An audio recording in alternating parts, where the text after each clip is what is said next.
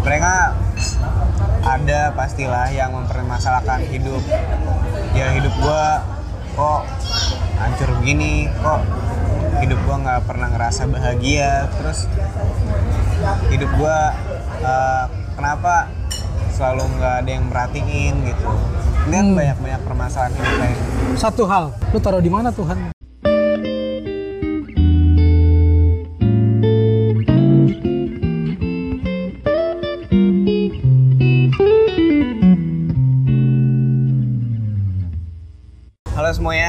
Lagi di Nura Podcast.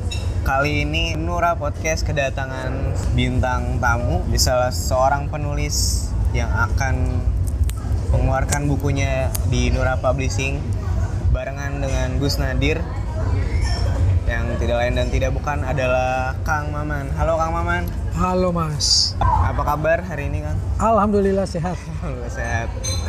Eh, tadi kita janjian di sini jam berapa ya? Jam 6 ya.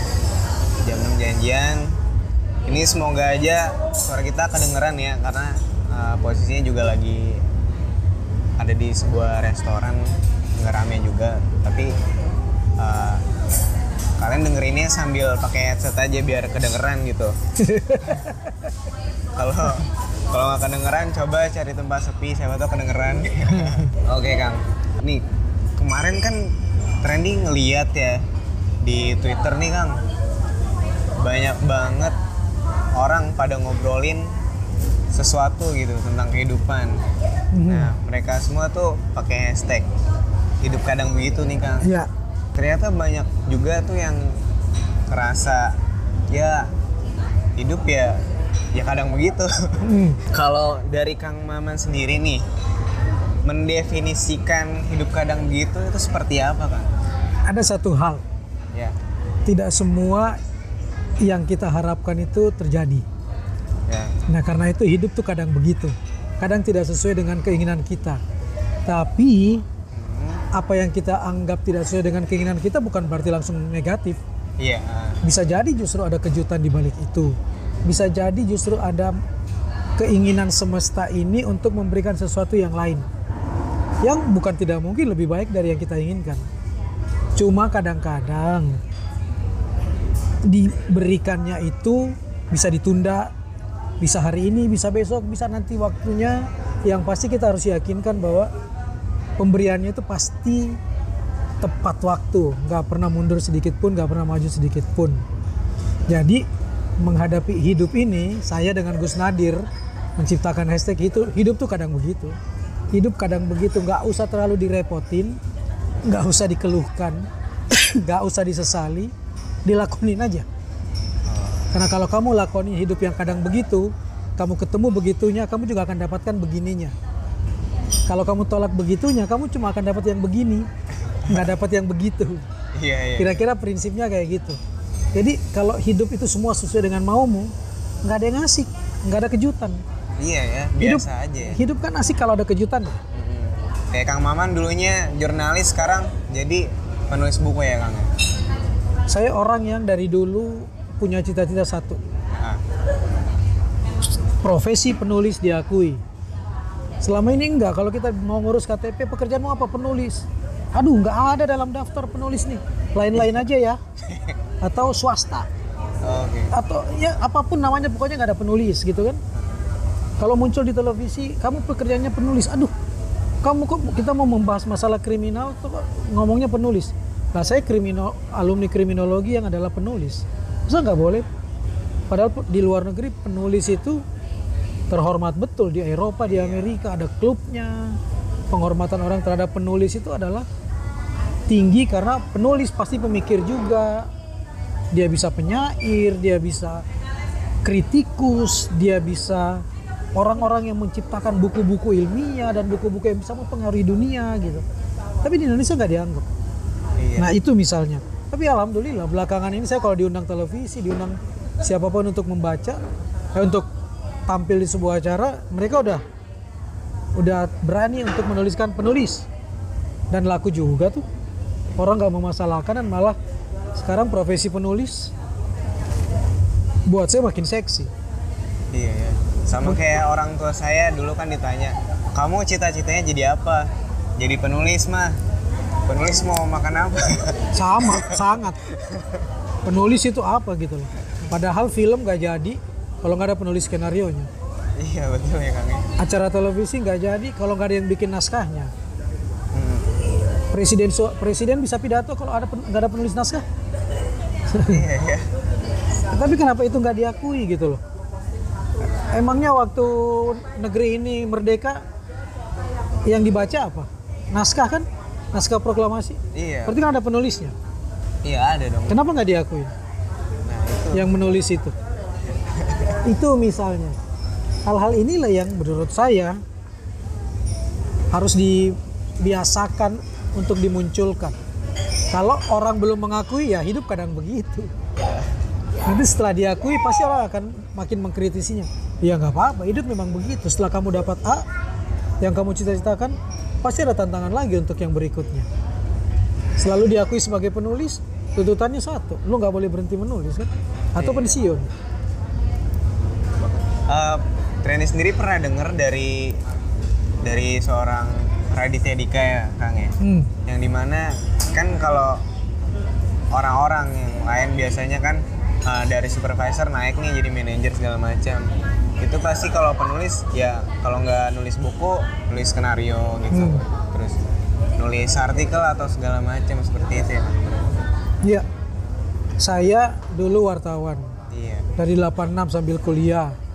Dari wartawan naik jadi redaktur. Naik jadi redpel. Jadi pemret umur 27 di kelompok Gramedia. Kompas Gramedia. Dari 86 sampai 2004. Kemudian ingin mencari kolam kolam yang lain untuk hidup. Supaya dapat lebih banyak pengalaman. 2004 saya pindah ke Biro Iklan dan Rumah Produksi. Saya bikin naskah untuk iklan. Jadi nggak cuma nulis. Saya bikin naskah untuk acara televisi. Sampai 50 acara televisi. banyak ya Ribuan episode Mantap. sebagai kreator, sebagai eh, direktur kreatifnya dan sebagai bahkan puncak tertinggi managing director. Lalu kemudian saya nggak pernah mau di depan layar tiba-tiba diminta, "Dah, lu yang nulis, lu yang muncul di layar kacanya." Muncullah Mata Hati Kompas, muncullah di Indonesia Lawak Club. Sekarang muncullah di berbagai acara di televisi. Ya kadang-kadang naskahnya juga saya yang bikin. Kadang-kadang udah muncul bikin notulennya juga. Berarti kan ini perkembangan-perkembangan dari apa itu sebenarnya menulis. Dan saya menikmati aja. Kalau orang nanya apa teorinya, nggak ada teorinya. Ya hidup kadang begitu, nggak harus diteoriin. Iya. Bikin ngalir aja. kita juga nggak tahu ya ke depannya kayak gimana ya kang ya Saya bukan orang yang terlalu berpikir jauh. Yang penting saya cuma berpikir satu.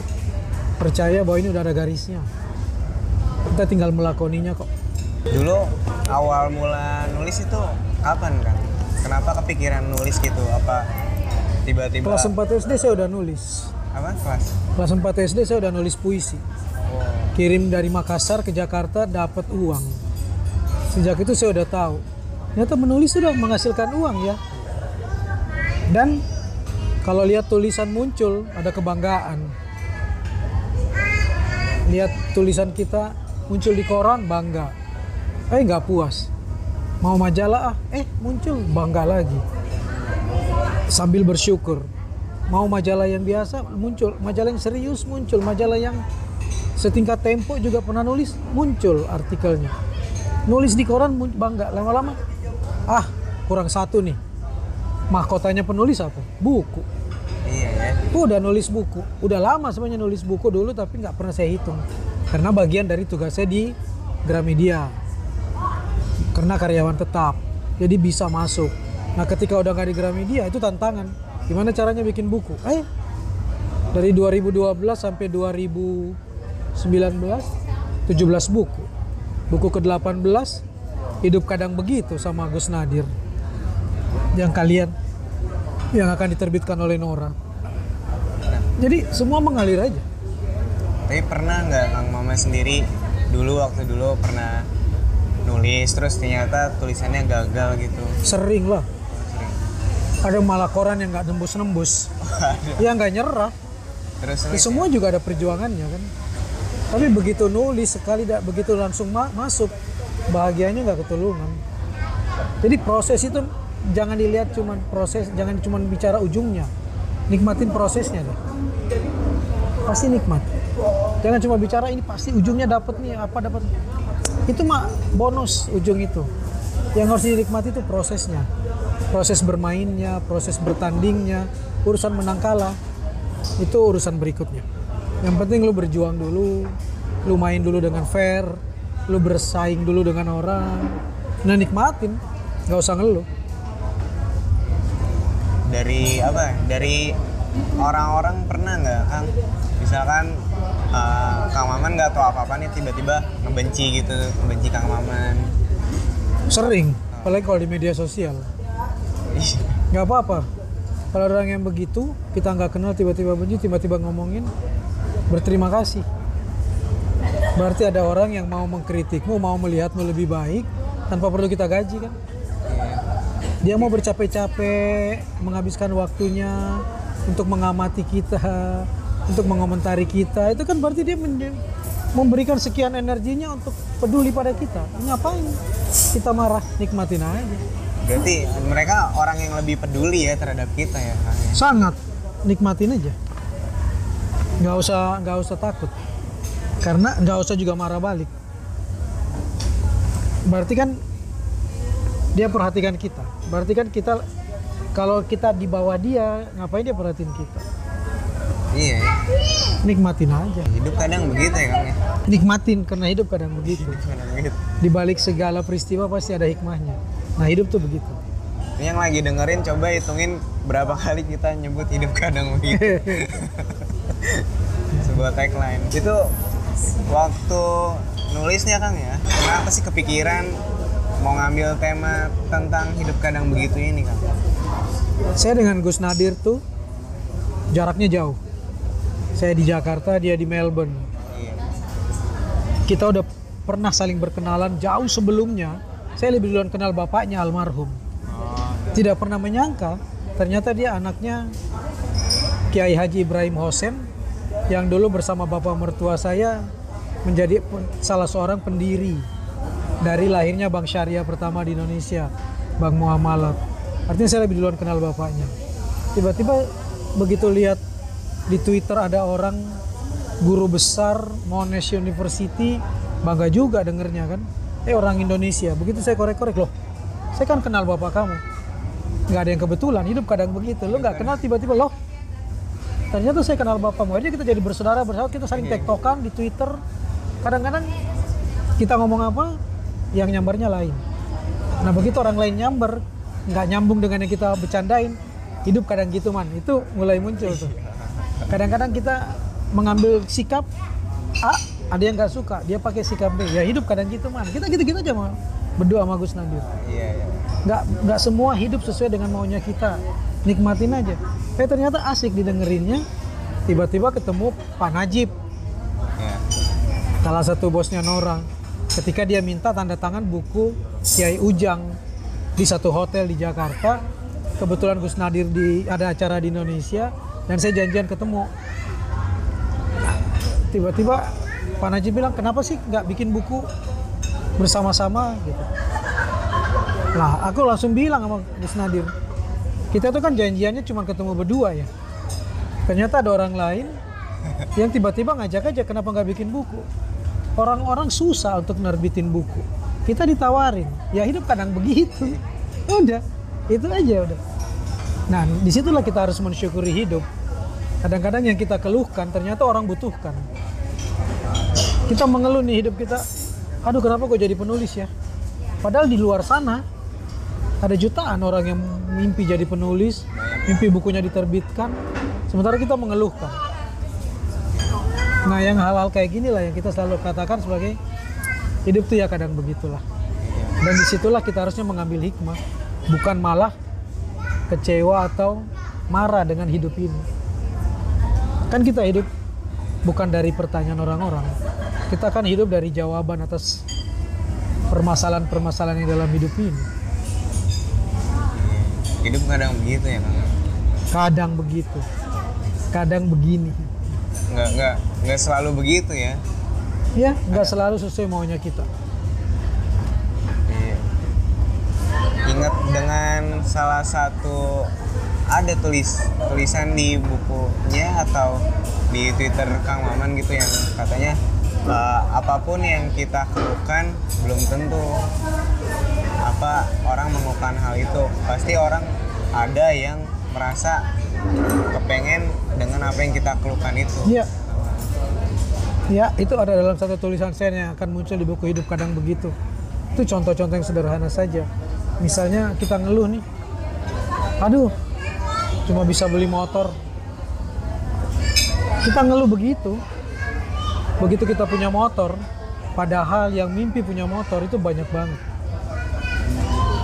Sesuatu yang kita keluhkan ternyata itu harapannya orang. Aduh, gue cuma tinggal di Jati Bening, nggak bisa punya rumah di Jakarta. Padahal yang mau tinggal di samping di pinggiran kota Jakarta banyak tapi nggak punya nggak punya uang nggak punya kesempatan. Aduh rumah gua kenapa kecil? Padahal yang mau punya rumah kecil seperti lu tuh banyak banget. Jadi kadang-kadang sesuatu yang kita keluhkan itu tanpa kita sadari sesuatu yang diinginkan oleh banyak orang. Hikmahnya sih satu, ya lu syukurin semua yang ada gitu. Itu. Ini suasana makin rame karena makan malam makin tiba waktunya. Makin rame. Tadi padahal sepi ya Kang ya. Ah, ah. Sama kayak hidup ya Kang ya. Yang tadi begitulah ya. hidup. Iya. Kita berharap sepi selamanya. Kita lupa bahwa yang tinggal di sini kan bukan cuma kita. Tinggal di bumi bukan cuma kita, ada orang lain yang juga ingin menikmati suasana sepi itu. Nah, 10 orang ingin menikmati suasana sepi, maka sepi yang tadinya satu orang nggak bisa lagi sama ketika sudah ada 10 orang di situ. Ibaratnya dalam satu ruangan ketika kita sendiri, udah napas kita lega banget karena cuma kita sendiri yang hirup. Sekarang ketika masuk 10 orang, wah ada banyak yang hirup. Dan ya hidup kadang begitu mau diapain, nggak bisa lu paksain. Kau mau sendiri di sini terus-terusan, susah. Sama dengan gini, kalau kebaikan itu cuma ada di satu tempat, orang semua akan numpuk di sana dan tempat lain kosong. Iya, bahkan bisa nyampe sesak napas ya Kang ya, saking penuhnya ya. Makanya itu dia misalnya. Jadi ya nggak bisa kita untuk egois hanya sesuai mau kita, nggak bisa. Di dalam buku hidup kadang begitu uh, ada nggak sih Kang bab yang menurut Kang Maman tuh paling kena banget yang nggak dilupakan atau itu suatu hal yang menyedihkan, menyenangkan atau mengembirakan bagi Kang Maman gitu. Ketika menuliskannya saya bahagia. Sebagai selalu ya. Saya bahagia karena saya bisa menuangkan apa yang ada di pikiran, saya bisa mengabadikan apa yang pernah terjadi, apa yang pernah saya rasakan itu sebuah kebahagiaan. Tapi ketika menjalaninya itu tidak seperti ketika menulisnya. Ini kan seperti kita mau bilang satu hal. Sesuatu itu kalau kita lihat dari jauh kayak komedi, Iya. asik, lucu, bener, kita bisa ketawa. Tapi kalau kita deketin itu kayak tragedi. Nikmatin aja, hidup kadang begitu. Atau misalnya hari ini kita sedih karena kita alamin sesuatu yang sedih. Sebulan kemudian kalau kamu ceritain ulang, mungkin kamu udah tersenyum, Malah ketawa ya Kang ya. malah bisa ketawa. Karena apa? Seperti yang saya bilang, semuanya itu ada waktunya, ada timingnya. Dan tidak boleh salah timing. Lu menceritakan kesedihan orang pada saat dia sedih, habis lu. Iya. Lu kayak gitu misalnya. Tapi cerita sedih ini terpendam cukup lama. Nanti kita ceritain lagi. Mungkin penuh nostalgia, mungkin sudah diucapkan sambil tertawa-tawa, sambil tersenyum, sambil mengomentari malah. Kok gue kemarin bodoh banget sih sampai nangis kayak begitu padahal cuma putus doang. Padahal simpel banget. Padahal hari H itu peris ketika peristiwa terjadi sedihnya nggak ketulungan. Bahkan sampai kepikiran mungkin ah besok nggak mungkin. Gue bunuh diri aja lah. Iya, Gue nggak mungkin dapat lagi pacar yang lebih baik. Iya. Sebulan kemudian ketika lo udah ketemu yang lebih baik, yang kemarin lu pikirin begitu lo akan bilang, tolol banget ya gue saat itu. ya hidup ya begitu itu. Dia butuh waktu untuk diresapi. Biasa terjadi nih Kang di sosial media Facebook ya. di mana dulu kan uh, nulis-nulis alay kan status alay segala macam duh galau nih atau apa. Terus sama Facebook dikenang lagi. Anda punya kenangan sekitar tujuh tahun yang lalu pasti lihat ini ngapain nulis ini waktu ya itu?" ya. Itu terjadi dan itu menariknya memori. Memori yang ditampilkan Facebook itu menarik sama dengan kita membuka album lama kenangan lama kita. Ada yang ingin kita hapus ada yang ingin kita simpen sebagai kenangan yang tidak mau kita lupakan. Itu semua kembali ke kita. Bukan orang lain yang mengatur kita. Jadi kalau Facebook pun mengeluarkan itu kalau kita tidak mau lihat ya kita nggak akan lihat. Iya. Semua kita yang nentuin. Orang hanya menawarkan kita yang mau membeli atau tidak. Ka- Kang waktu itu kan uh, lagi booming nih Kang ya? Yang namanya film Joker. Nah itu banyak tuh tiba-tiba Kang yang tiba yang update di Twitter lah, di status Facebook lah, yang di mana. Duh kayaknya gue juga kena mental health deh. Atau ya Masalah gangguan kesehatan mental. Iya. Uh, depresi deh. Tiba-tiba ya pada update kayak gitu nih. Padahal sebelumnya sebelum nonton film itu ngerasa hidupnya happy happy Biasa-biasa aja. Iya. Di situlah menariknya film. Dia bisa menjadi katarsis atau pengingat. Tadinya kita tidak sadar ternyata sadar.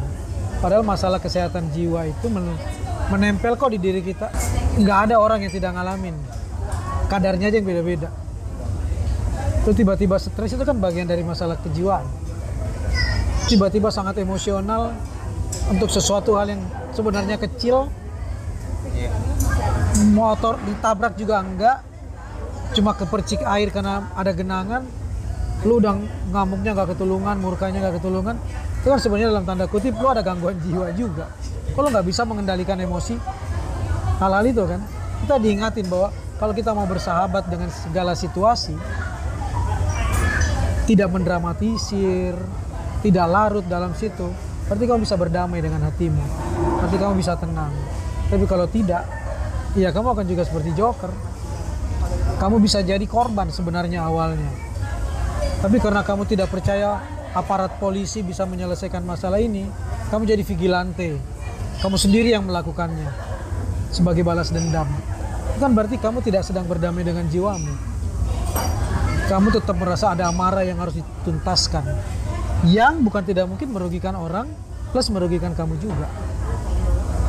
Kayak gitu misalnya masalah kesehatan mental tuh nempel kok di kita. Kita yang mau bikin dia sehat atau tidak? Kita yang mau memelihara luka atau menghapus luka?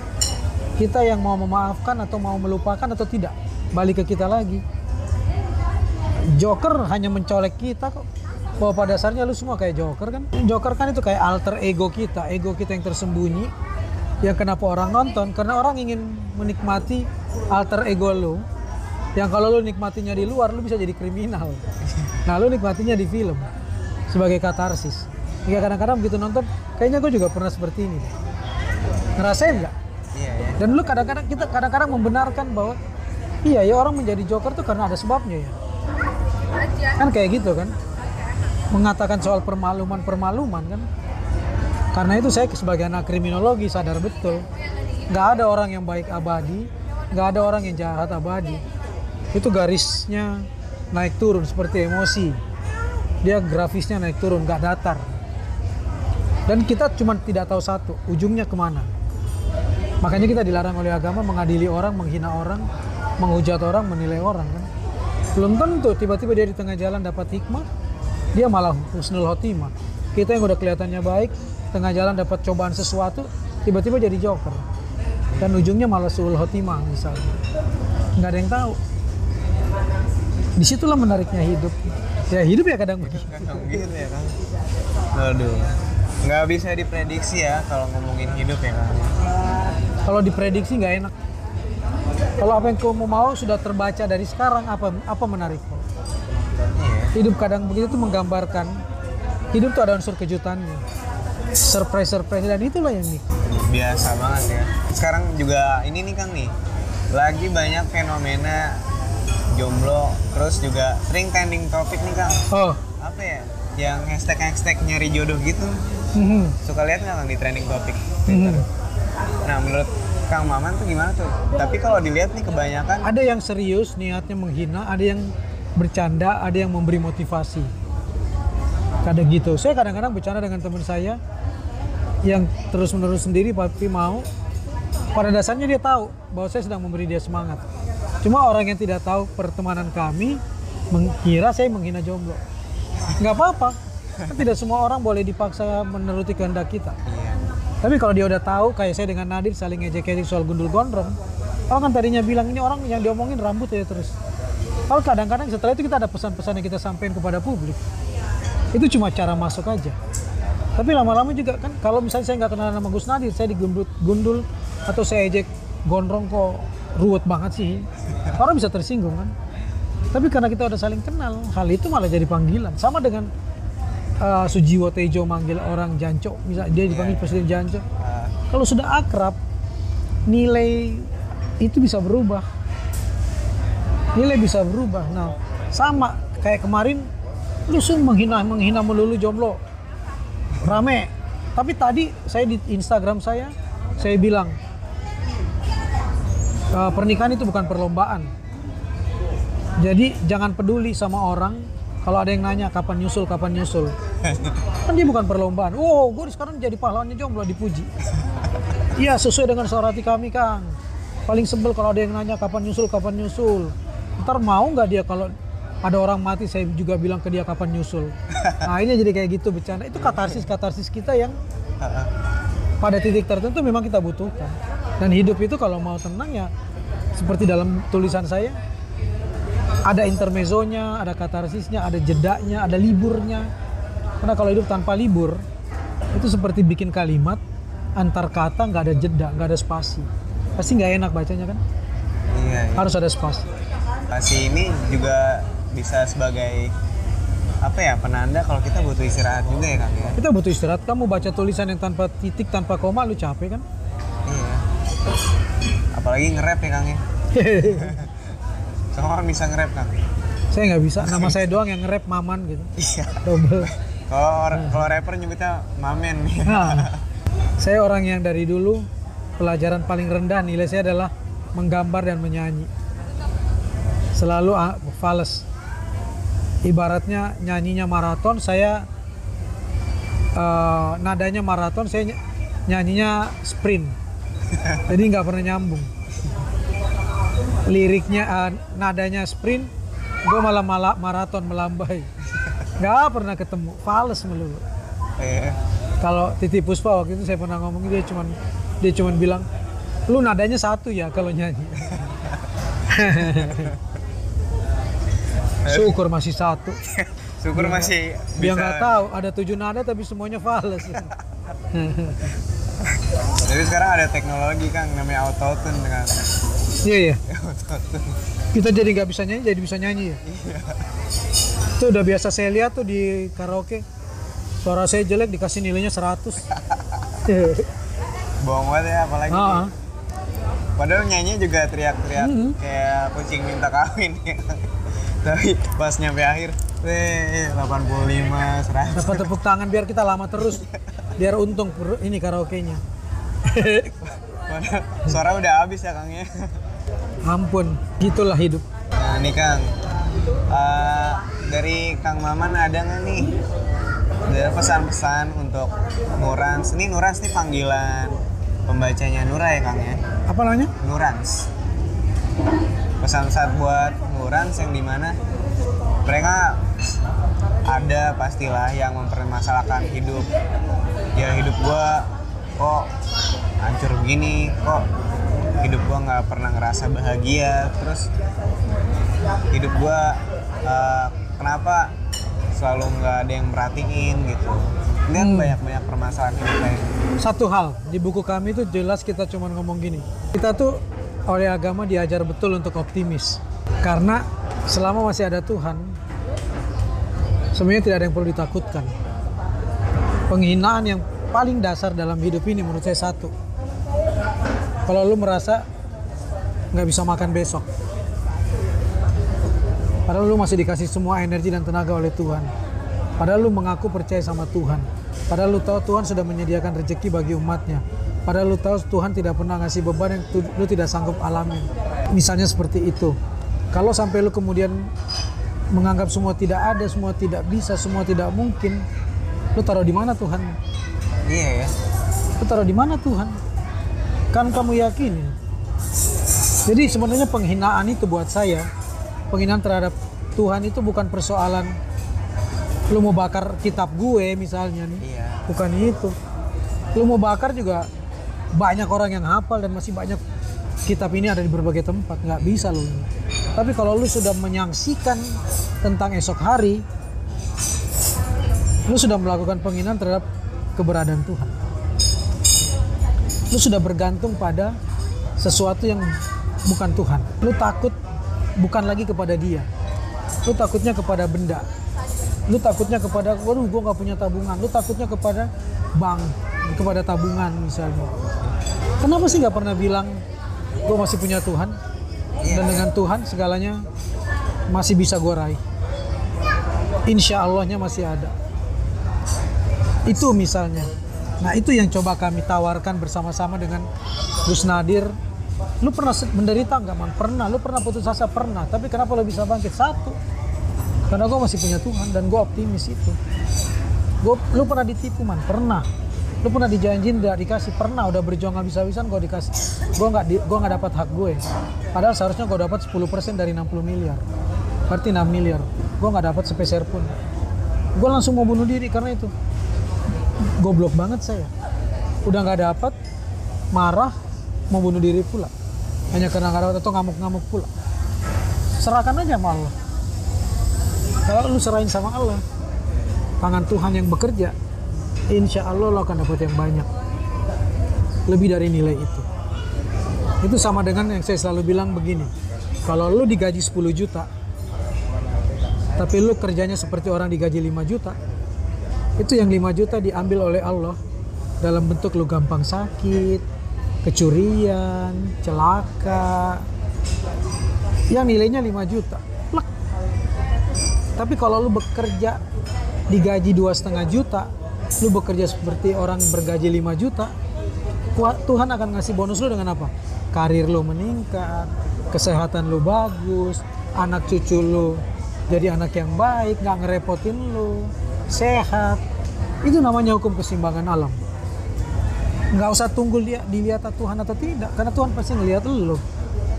Percaya sama itu aja, bahwa hidup ini adalah dikasih oleh Tuhan oleh sebuah keseimbangan. Dan percaya Tuhan nggak pernah tidur, Tuhan nggak pernah tutup mata, Tuhan pasti lihat itu dan Tuhan tidak mungkin tidak menepati janjinya. Kapan Tuhan ngasih janjinya pasti yang waktu di waktu yang sangat tepat dan terbaik. Yang lu juga nggak sadari. Jadi jangan bilang aduh kok belum dapat ya Tuhan ya. Kan gue udah minta lama. Tuhan pasti ngasih di satu tempat yang sangat tepat dan hidup gue mengalami itu. Selama 55 tahun gue ngalamin itu. Tapi lu juga pernah kecewa, manusiawi gue pernah kecewa. Lu pernah merasa marah sama Tuhan? Sempet gue marah. Anak bapak gue meninggal pada saat gue baru umur 16 tahun misalnya. Tapi sampai hari ini Tuhan ngasih gue banyak hal yang mengatakan bahwa bapak gue belum mati sampai sekarang masih ada bersama gue. Nilai-nilai kebaikannya bapak gue, doa-doanya bapak gue, betapa bapak gue baik sama orang, membantu orang ringan tangan bantu orang. Sekarang gue duduk tiba-tiba ada yang nawarin terbitin buku dong di gue. Gue nggak jual diri. Gue lagi duduk kerja dengan gue dong. Gue lagi duduk mau nggak tur bareng sama kita. Gue lagi nggak punya duit tiba-tiba televisi nelpon mas ada acara nih mau nggak begini. Tanya sama televisi, gue pernah nawar harga enggak? Tanya sama penerbit, gue pernah ributin royalti, sibuk. Gue cerahkan pada pada penerbit, jujur deh, lu jujur aja. Gue terima apa yang lu kasih. Kalau lu jujur, alhamdulillah. Kalau lu nggak jujur, emangnya lu jadi tambah hebat. Tambah banyak utang lama gue. Kalau lu berutang sama gue, berarti kan gue nabung. Ibaratnya kan kayak gitu. Gua nabung, uang gua ada di lu, gua tabung untuk? Untuk akhirat nanti. Sementara buat lu uang, utang lu jadi bawa, bawa mati. Dari dosa buat lu. Percaya aja, serahin aja. Sedih, sedih. Air mata keluar bisa. karena air mata memang dikasih sama Tuhan untuk untuk membasahi hati yang luka untuk menenangkan hati yang luka nggak apa-apa biarin aja yang penting satu hasbunallah wa ni'mal wakil ni'mal maula wa ni'man nasir. Udah. Serahkan semua padanya. Kan kamu kalau sholat gitu kan? Inna sholati wa nusuki wa mamati wa mahyaya wa mayaya wa mamati lillahi rabbil alamin kan? Hidup lu sujud lu mati lu semua untuk Allah. Lah kenapa sekarang lu dalam hidupnya nggak nggak melaksanakan itu? Cuma omongan lu waktu sholat artinya kan lu nggak sejalan antara yang lu sujud doa-doa lu di saat sujud saat bersembahyang dengan kenyataan yang lu lakukan. Ternyata hidup lu mati lu sujud lu bukan untuk dia. Iya. Ya. yang dibutuhkan oleh Tuhan sama kita cuma satu. Satunya kata dengan perbuatan. Itu yang gue rasain sekarang seperti halnya gue membaca bukunya Rabia al ya. Itu yang mau ajak juga uh, Norans untuk mengkaji itu. Di buku-bukunya Pak Haidar Bagir juga banyak. Bahwa kalau gue beribadah semata-mata untuk mendapatkan surga tutup aja pintu surga. Kalau gue semata-mata takut sama neraka buang gue ke neraka. Tapi kalau semata-mata karena lo karena kamu ya Allah karena Allah lillahi ta'ala ya jangan pernah lupa janjimu kan sholat kita lillahi ta'ala lillahi ta'ala kan? Ada nggak sholat lu lillahi ta'ala? Bukan lillahi ta'ala tapi saya sembayang niat sembayang pada Allah menghadap kiblat untuk masuk surga. Begitu nggak doi? Enggak kan? Tapi apa? Semata-mata karena Allah kan? Karena kalau semata-mata karena Allah berarti semua yang terbaik pasti dikasih. Mungkin nggak nggak tepat waktu ya. Pasti ada cara lain di waktu yang lain di waktu yang tepat ya Kang ya. Tuhan tuh nggak pernah ngasih rezeki tidak tepat kita aja yang suka salah hitung kita aja yang suka salah hitung atau tidak tahu atau lupa mendefinisikan tentang apa itu rezeki Rezeki nggak harus berupa uang ya banyak. banyak lu punya sahabat banyak saya kalau cuma bicara kaya raya secara materi nggak juga tapi saya kalau ke daerah uang saya nggak laku. Temen gue banyak. Saya punya paspor tiga ke luar negeri. Nggak ada satu peser pun keluar dari kantong saya. Karena tugas penulisan karena karya tulis saya. Saya diundang dikirim. Plan bu, eh, benua mana yang gue nggak pernah injak? Nggak ada. Semua gue udah pernah injak. Keluar duit kagak. Dikasih duit iya kayak gitu misalnya. Itu kekayaan kekayaan. Oh, itu yang saya bilang. Orang-orang mimpi keluar negeri orang-orang mimpi naik haji nabung puluhan tahun saya naik haji gratis.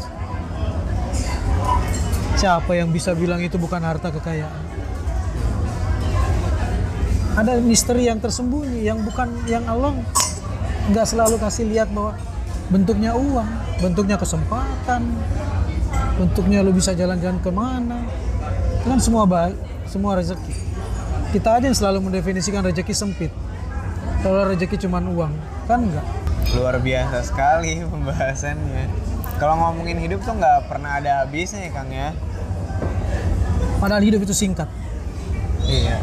hidup itu singkat cuma sebatas antara eh, azan dengan ikomah kamu lahir langsung di azanin kan? Itu meninggal. Hidup kita tuh jaraknya pendek betul. Pendek betul cuma sebatas itu aja. Begitu lahir diazanin di kuping. Pendek banget kan? Jaraknya tuh seperti orang sholat aja. Di mata Tuhan tuh hitungannya detik banget. Hidup tuh pe- tipis antara azan dan sholat.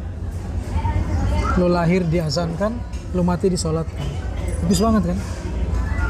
Lu dengar orang kalau azan ke sholat berapa jaraknya paling lima menit ya. Iya. hidup lu cuma segitu sebenarnya dalam hitungan dunia. Wow. iya kan?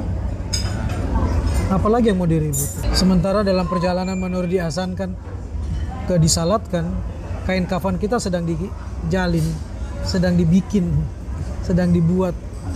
Yang nanti cuman itu modal lu ke menghadap Allah. Secara fisik modal lu cuman itu.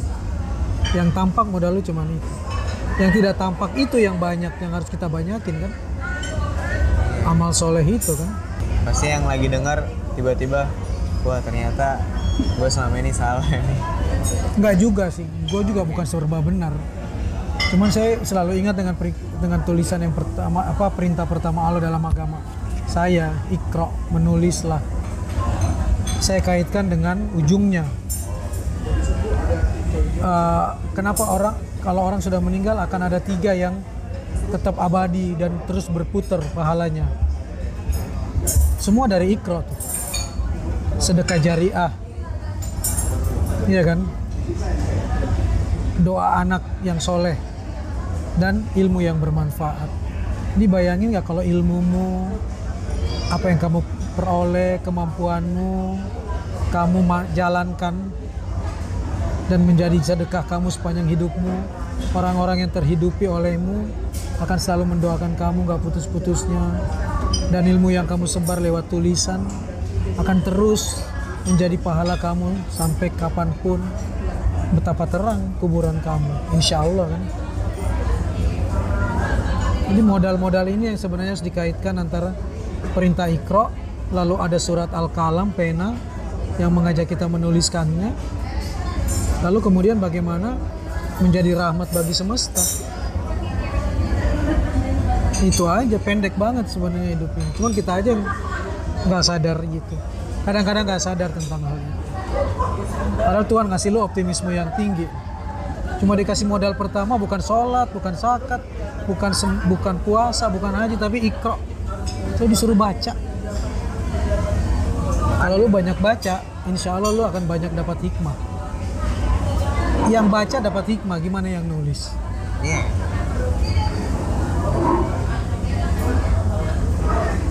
Banyak nih orang yang nggak peduli soal ini ya, ya. Karena dianggap simple, semua orang bisa menulis dan membaca. Oh nggak selesai di situ. Setelah ikro, setelah al-kalam pena, tugas terakhir rahmatan lil alamin? Menjadi rahmat bagi semesta. Minaz zulumati nur.